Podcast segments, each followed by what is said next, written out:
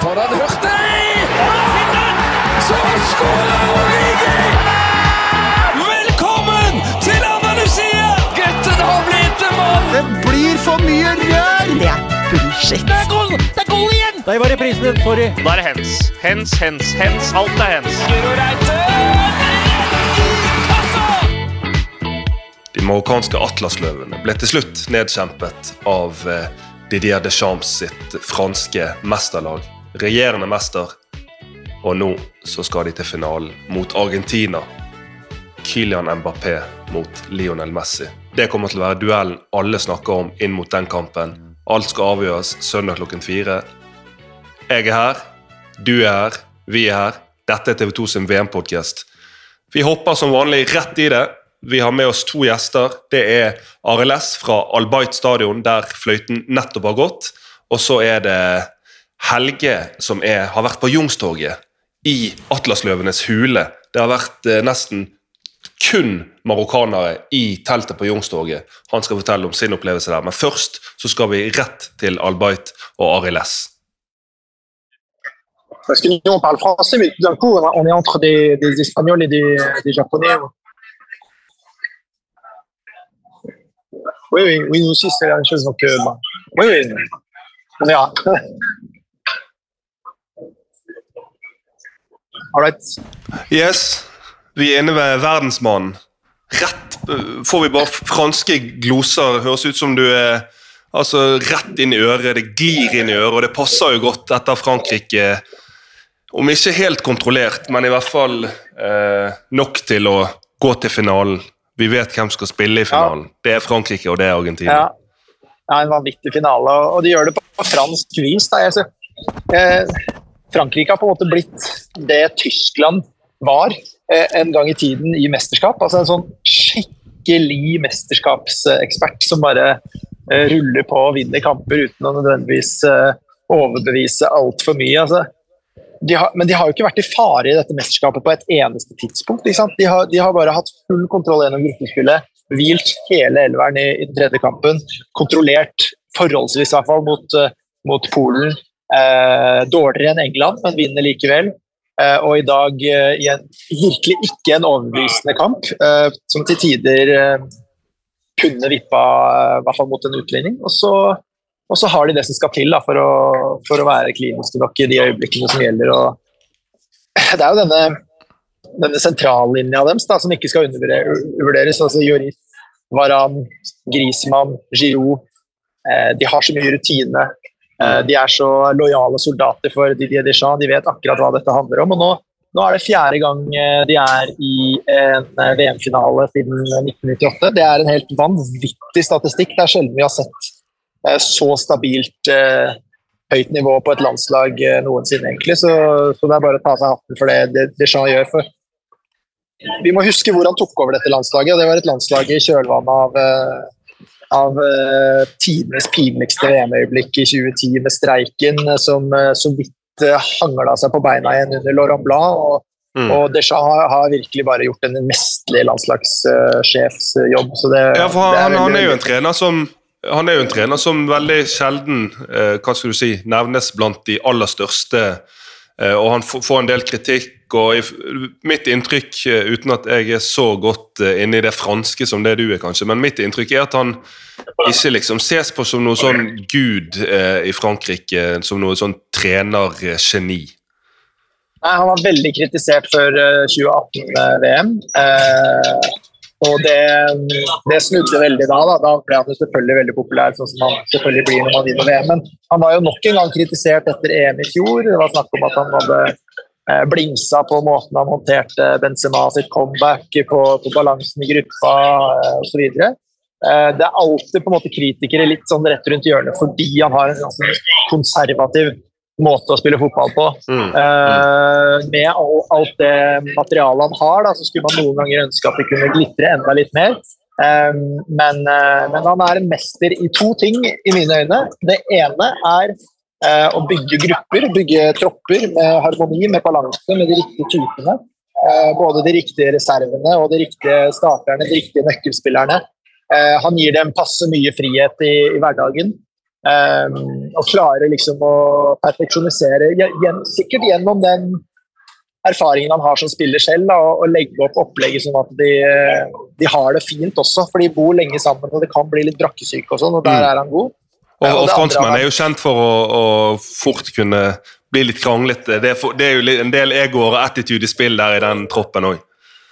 Ja, så, så det, det, det, aspektet skal man ikke undervurdere. Og Det andre aspektet han er bra på, det er å balansere fotballag. altså bygge, bygge lag som, er, eh, som, har den balansen som trengs i disse mesterskapene. For det er det det handler om i landslagsfotballen. Og, og de to tydeligste eksemplene på det er måten han drar inn Matuidi som en sånn defensiv venstrekant under, eh, under eh, under VM i 2018, og i år mm. hvordan han, uh, hvordan han omroke, eller, altså, omdøper Grismann til en, uh, til en indreløper som har, ser ut til å har blitt inspirert av Engolo Kanté i måten han, eh, han holder på med, med, dette begge veier. Da. Det er fantastisk å se. Så, men, eh, men jeg, eh, det, det, er lett å være etterpåklok og, og sånn nå når de kommet til finalen og de har vært sett solide ut uten å, uten å liksom være spektakulære. Men jeg tror at eh, det at Benzema ble skadet, var en velsignelse i forkledning for dette franske laget. To sekunder når vi driver og forhandler litt med Nixones. Yeah. Yeah, sorry, but we were told. Ils nous ont. Ils parlaient français? Non, non, non, on, non, on, on, nous a pas dit de pouvoir être, être ici. C'est juste que euh, on nous a dit que les Français allaient être ici, ceux qui parlent français. Donc euh, on s'est mis là-bas. Et puis après, euh, c'est juste pour pouvoir être à proximité de, de, ceux qui parlent français, parce que comme ça, on n'a pas besoin d'être avec les Espagnols ou avec les Anglais. Ils vont arrêter ici avec TF1 et tout. Pas possible. Non, pas ici. Non, mais je comprends, mais ici. Elle ne va pas arrêter. Ouais, D'accord, on, on, on, essaie ici, c'est bon? Ok, merci. Merci beaucoup, monsieur. Merci, monsieur. Jeg, mistenker at, du bare uh, finner noen fiktive å spørre om klokken bare for å brife med fransken din. Nei, det, det, er faktisk ganske harde kår her. Vi, vi, vi må, det, det, dette er taktikk på like høyt nivå som det, det, det. Og det det? Nei, Det handler om at det er jo hundrevis av journalister her, og så må vi plassere oss riktig. og Det vi har valgt nå, er å prøve å plassere oss der hvor de franske, største franske TV-mediene er. da. Eh, og Det er spesielt da de som heter TFA, som er på en måte NRK1 i Frankrike, som er helt premissleverandør for hvor de franske spillerne eh, stopper. For vi har sett at de stopper bare ett sted, eh, og det er her. Og Derfor så har vi prøvd å og posisjonere oss litt lurt. Og så nå fikk vi beskjed om at vi egentlig ikke kunne stå her, og litt sånne ting, fordi vi er norske og bla, bla. Men, mm. men, um, men jeg tror jeg kom i, sånn ganske i mål på, på det. Så vi har, vi har og hvor, hvor eh, Når du er journalist fra Norge, hvor havner du i hierarkiet da? Veldig lavt. Helt nederst. vi, vi, vi har verken med i VM og har heller ikke vært med i VM på veldig lenge. Men, men det hjelper å snakke noe språk, da. Heldigvis. Ok, ok. Eh, tilbake til det. Jeg har en påstand om at eh, det har vært en vel velsignelse i forkledning at eh, Benzema ble skadet. At det er Giroud som eh, er da selvfølgelig naturlig førstevalg på topp. Hva, det må jo være en debatt i Frankrike. Det ser jo ut til altså Frankrike på sitt beste under Deschamps er jo med Olivier Giroud som soleklar førstevalg på spissplass. Ja, du, nå får du Benzema på nakken, for det, det der liker han ikke. Altså. Den franske avisen L'Equipe skrev jo etter at Benzema reiste hjem, at stemningen i den franske troppen hadde løsnet etter det. At han var litt sånn, uh, kastet en litt sånn mørk skygge over hele stemninga. Uh, for han var ikke en del av den verdensmestergjengen osv. Eh, og det skapte jo veldig sterke reaksjoner fra folk rundt dem som var Sånn, de likte ikke det. Uh, men du har nok et poeng, fordi, og det tror jeg først og fremst handler om, om Kylian Mbappé, f.eks., som, som har snakket om dette at han elsker å spille med det han kaller en pivot, altså en, et oppspillspunkt ved siden av seg. At han har en, eh, en, som kan ta seg av den jobben. For den, den, jobben hater Mbappé å gjøre. Han har blitt bedt om å gjøre det et par ganger i PSG, og han har gjort et enormt poeng ut av det hver eneste gang. Så, så Mbappé, som krangla med Giroud faktisk eh, i forbindelse med EM i, fjor, de har blitt særlig venner og veldig veldig komplementære på banen. og Jeg tror det er nøkkelen, at han får det beste ut av ja. Mbappé i, i, rollen som oppspillspunkt. Og, og, og, i tillegg til det fotballmessig, så er jo det eh, nå når Mbappé han ser mot gullballen, han ser mot å innta tronen som verdens aller beste fotballspiller, så er det, nok, er det vel sikkert viktig for han å føle at i den franske troppen så er han den soleklare nummer én. Mens hvis Benzema er der, nykronet Ballon d'Or-vinner, så er det jo litt sånn her eh, spørsmålstegn. Hvem er egentlig den største stjernen? Ja, det er et godt poeng. Og så tror jeg et, et poeng man kan ha med også, er at eh, Benzema sin skade etter Kanté sin skade, etter, eh, etter eh, Pogba sin skade, etter Hernandez sin skade, gjorde jo at det ble skapt en slags sånn ikke, ikke underdog-mentalitet, men litt sånn ok, nå må vi faktisk ned i gjørma og jobbe litt her og, finne løsninger og, Mm. og kjempe for det her. Eh, og det tror jeg var sunt for den franske troppen. Jeg tror det var en sånn push som de trengte for å få, få ut det beste. For de, de fremstår jo veldig mentalt sterkt. Men eh, ok, eh, Mbappé ingen tvil om at han er den soleklare nummer én i den franske troppen. Men nå, hvis vi ser fram til finalen eh, I PSG så er det jo fortsatt et spørsmålstegn der. Hvem er nummer én der? Da møtes de. Messi, Mbappé. Det blir jo den store snakkisen, den store duellen. Og det er to spillere som er i praktfullt slag. Det er to spillere som har hatt et mesterlig mesterskap. Tenk for en finale! Ja, det blir helt vanvittig. det er, veldig, altså, det er veldig mye man kan si om det. Vi kommer til å snakke masse om det i dagene som kommer i finalen. Eh, Men det som har vært fascinerende som journalist eh, med å følge de to, jeg har vært i pressesonen mange ganger og sett, sett eh, på nært hold, det er at de har valgt to helt ulike strategier når det kommer til hvordan de snakker med pressen. og Det er jo en ganske vesentlig del av jobben, egentlig. For det, er det du kommuniserer ut av. Det er, det er, det er, på en måte speilet ut til, til folket og til fansen og sånn. Uh, Mbappé han stopper aldri. Han går, og han er egentlig kjent for å snakke ganske mye og være ganske sånn, god til å kommunisere, uh, glad i det og sånn.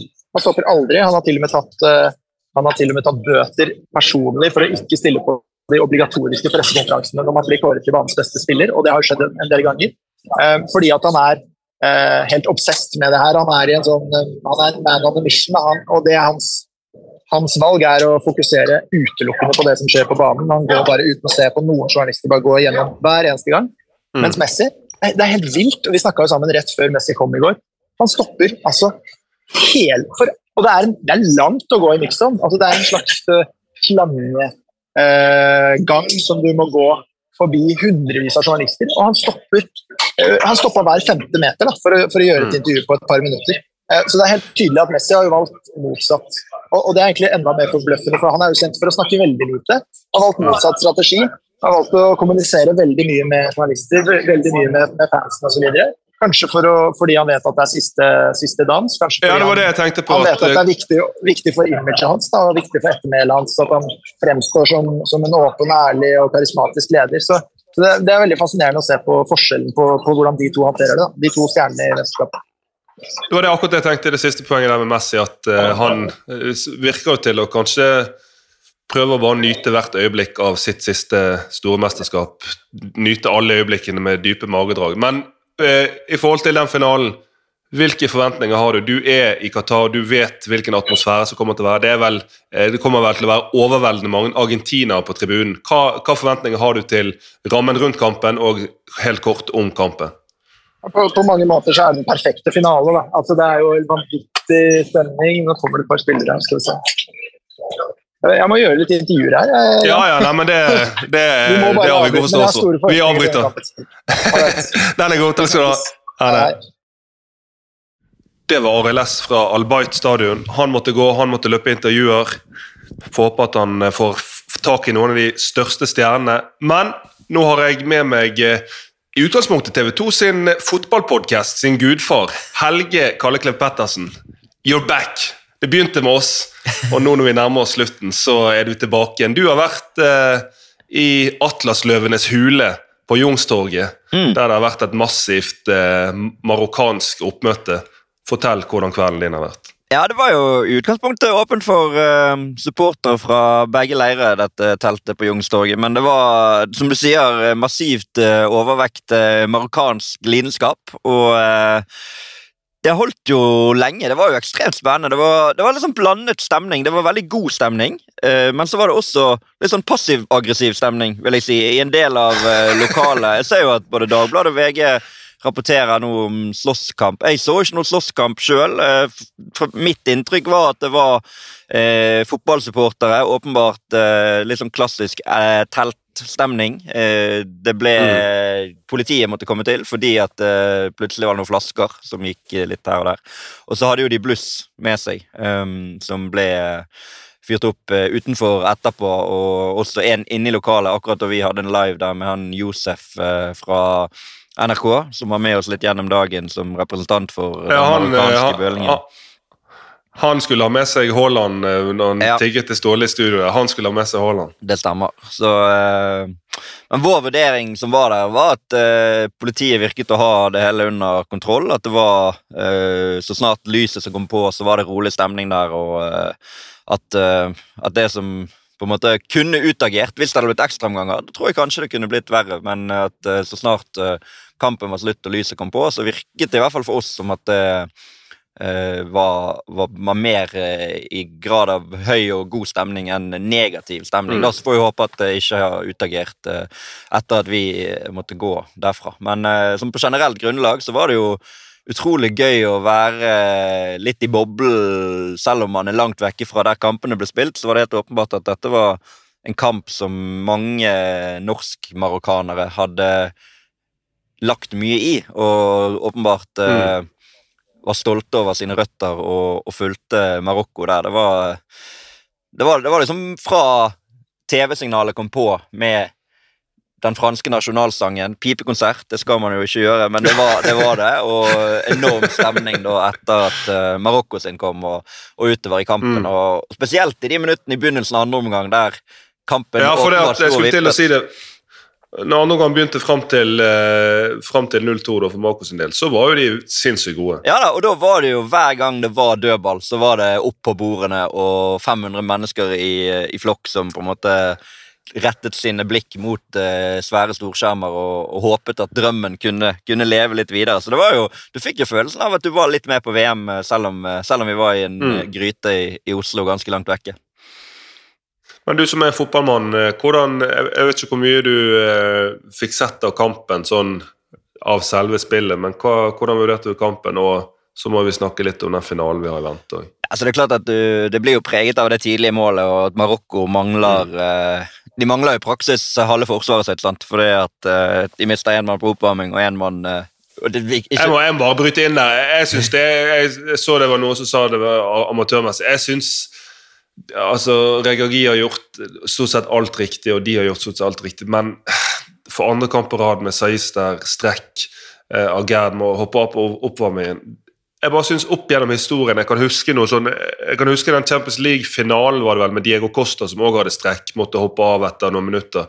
Det der med å bruke spillere som er helt sluttkjørte, skadet jeg syns aldri det blir en bra greie. Nei, og så er det klart at det er vanskelig for Roman Saiz å si det til både seg sjøl og Mm. trenerteam, sannsynligvis, da, at eh, nei, jeg er ferdig. Men det er klart, sett i ettertid så burde man kanskje Men da er det en følelsesmessig Ja.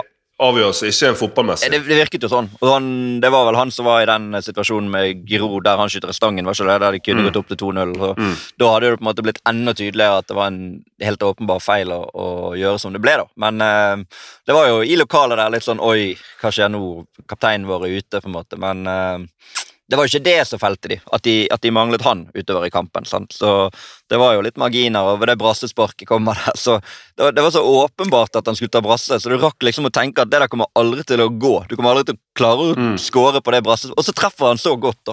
Så da var jo det like før taket løftet seg der inne. Så eh, jeg tenker jo at Marokko, når de får dette litt på avstand, vil være veldig fornøyd med måten de har stått opp mot en såpass god nasjon med det utgangspunktet de hadde, med den skadesituasjonen de hadde. og Mesterskapet sett under ett vil jo de åpenbart uansett være fornøyd med, selv om skuffelsen er stor akkurat i kveld. Ja, jeg håper jo, jeg håper jo veldig at eh, eh, De har jo masse spillere som holder til og til og med er født eh, utenfor Marokko, men jeg håper at de får en sånn at de skal reise tilbake igjen til Marokko, hele laget, og få en sånn der Jeg har lyst til å se de scenene når dette laget her til Regagi kommer, eh, kommer på marokkansk jord og får sin velfortjente hyllest. For det, har jo vært eh, noe av det som sikkert jeg og mange kommer til å huske best fra dette VM-et, dette marokkanske laget. Mm. Og så er det jo en bronsefinale, noe som faktisk betyr noe. da. Altså Det er jo ofte de bronsefinalene vil jeg jo tro, når England og Belgia møtes i bronsefinalen i 2018, for eksempel, så er jo det en nedtur for begge lag, egentlig. Eh, Det er jo ingen av de som har lyst til å være i den bronsefinalen. Eh, Det samme med Brasil på hjemmebane i 2014, som skulle ut og spille bronsefinale mot Nederland. Det var jo ikke det, var, det var ikke der de ville være. sant? Mens her får vi en bronsefinale mellom Kroatia og Marokko som faktisk spiller om en medalje i et VM. Og det er jo ekstremt uh, gjevt for de om de skulle klare det. Selv om tredje-fjerdeplass kanskje ikke har så mye å si, så tror jeg at det gir den bronsefinalen litt mer uh, interessant sportslig Um, Ja, det er et godt poeng.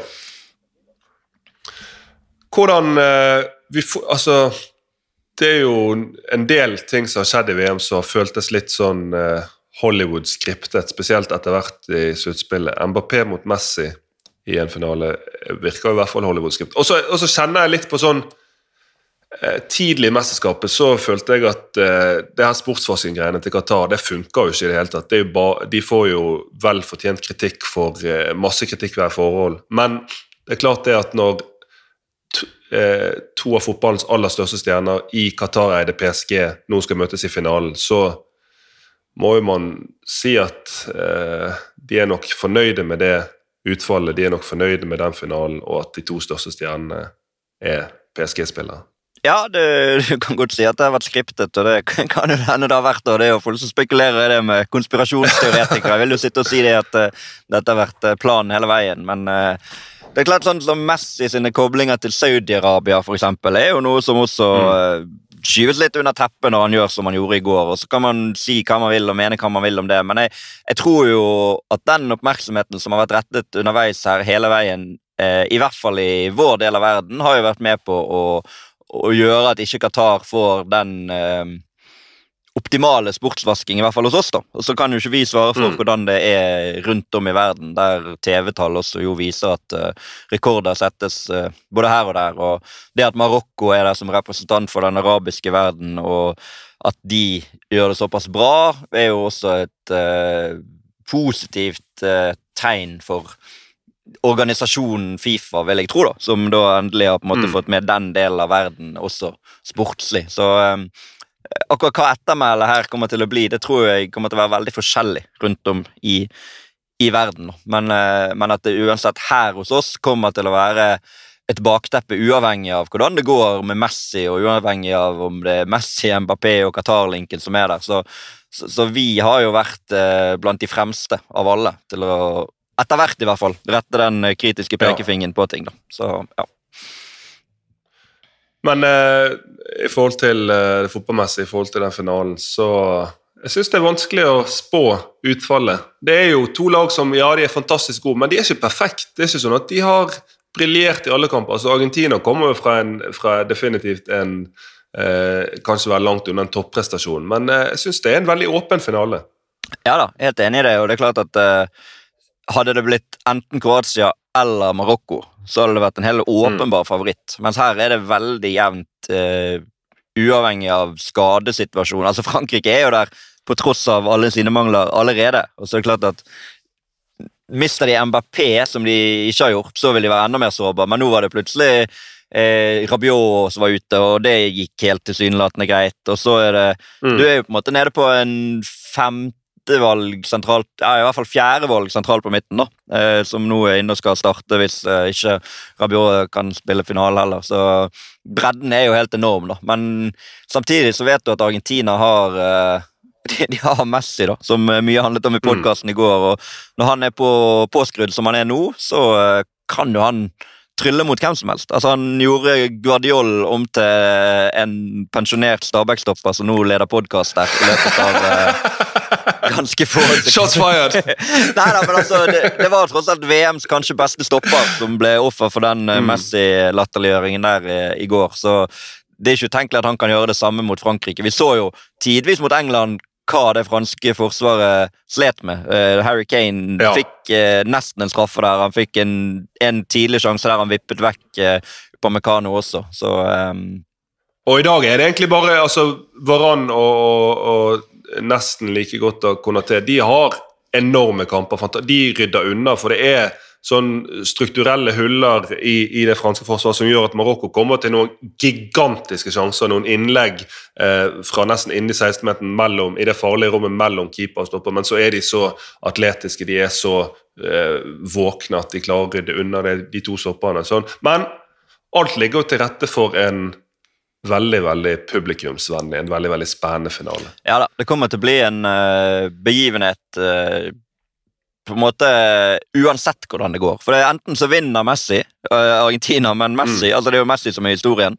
Uh, At han får det VM-gullet som uh, mange mener at han må vinne for å komme opp på nivå med Maradona. Og hvis ikke han vinner, så vinner jo Frankrike to ganger på rad. Og det har jo ikke skjedd på 60 år. Sant? Sist det skjedde, var Brasil i 58 og 62.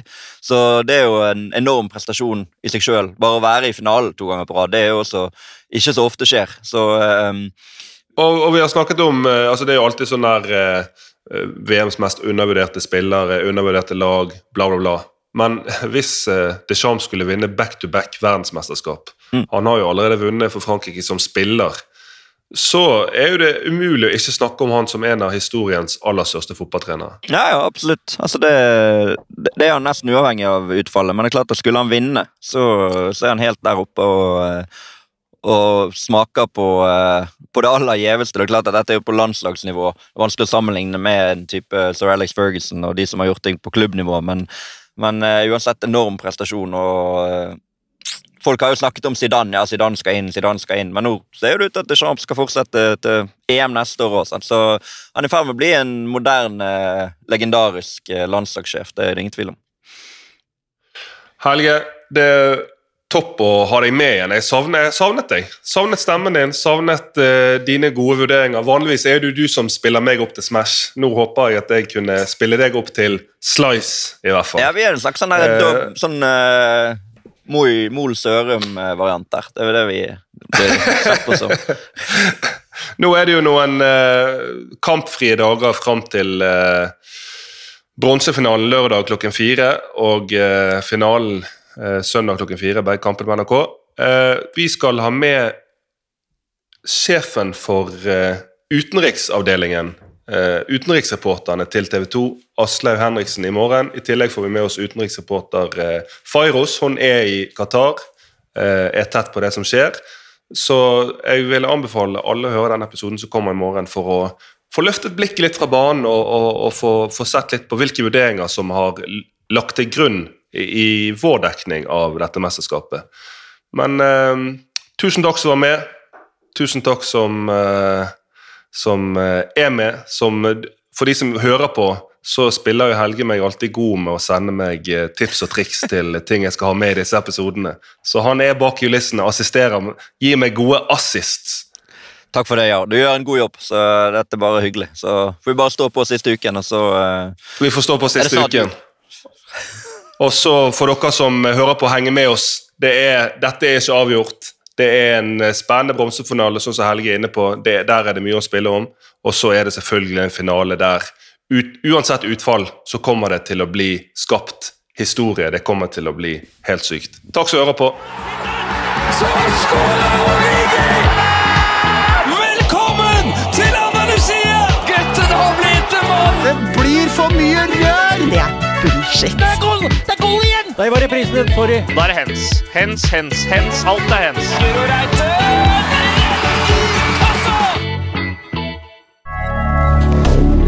Moderne media.